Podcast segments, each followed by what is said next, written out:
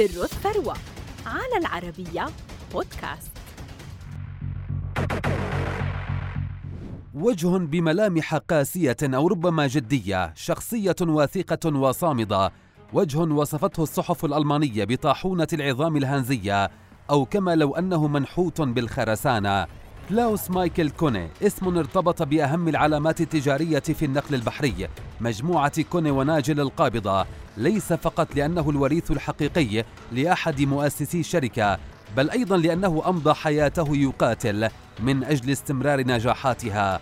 حمل ثقيل لرجل لا أشقاء له ولا أبناء ويملك ثروة تقدر بأكثر من 27 مليار دولار. فما قصة أغنى رجل في ألمانيا؟ ولد كلاوس مايكل كوني عام 1937 في مدينة هامبورغ الألمانية وتلقى تدريبا مهنيا في أحد البنوك قبل أن يعمل لعدد من السنوات في مجال الشحن.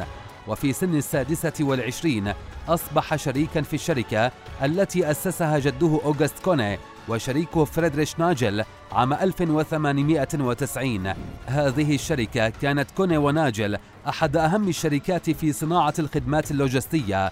كانت الشركة تمتلك شاحنات صغيرة للنقل وتنقل القطن والحبوب والخشب وعلف الحيوانات والسكر. عندما توفي ناجل عام 1907 حاز كوني على أسهمه في الشركة وأدخل شريكا جديدا.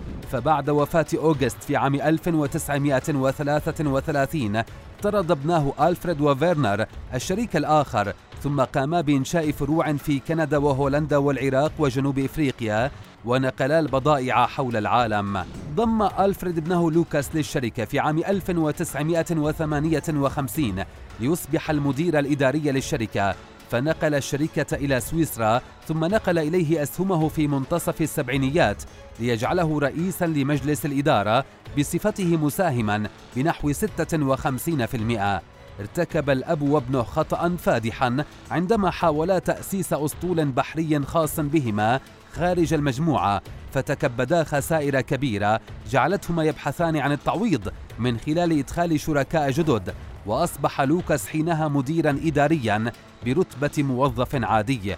مرت الشركة بأوقات عصيبة ففي عام 1981 العام الذي توفي فيه والد لوكاس كانت الشركة على وشك الانهيار فحماها لوكاس من خلال استقطاب شركاء آخرين.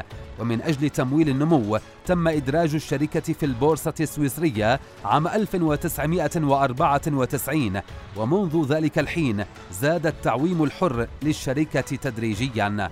كلاوس اليوم الرئيس الشرفي وصاحب حصة الأغلبية في مجموعة كوني وناجل أكبر وكيل شحن بحري في العالم وهو أيضا أغنى رجل في ألمانيا.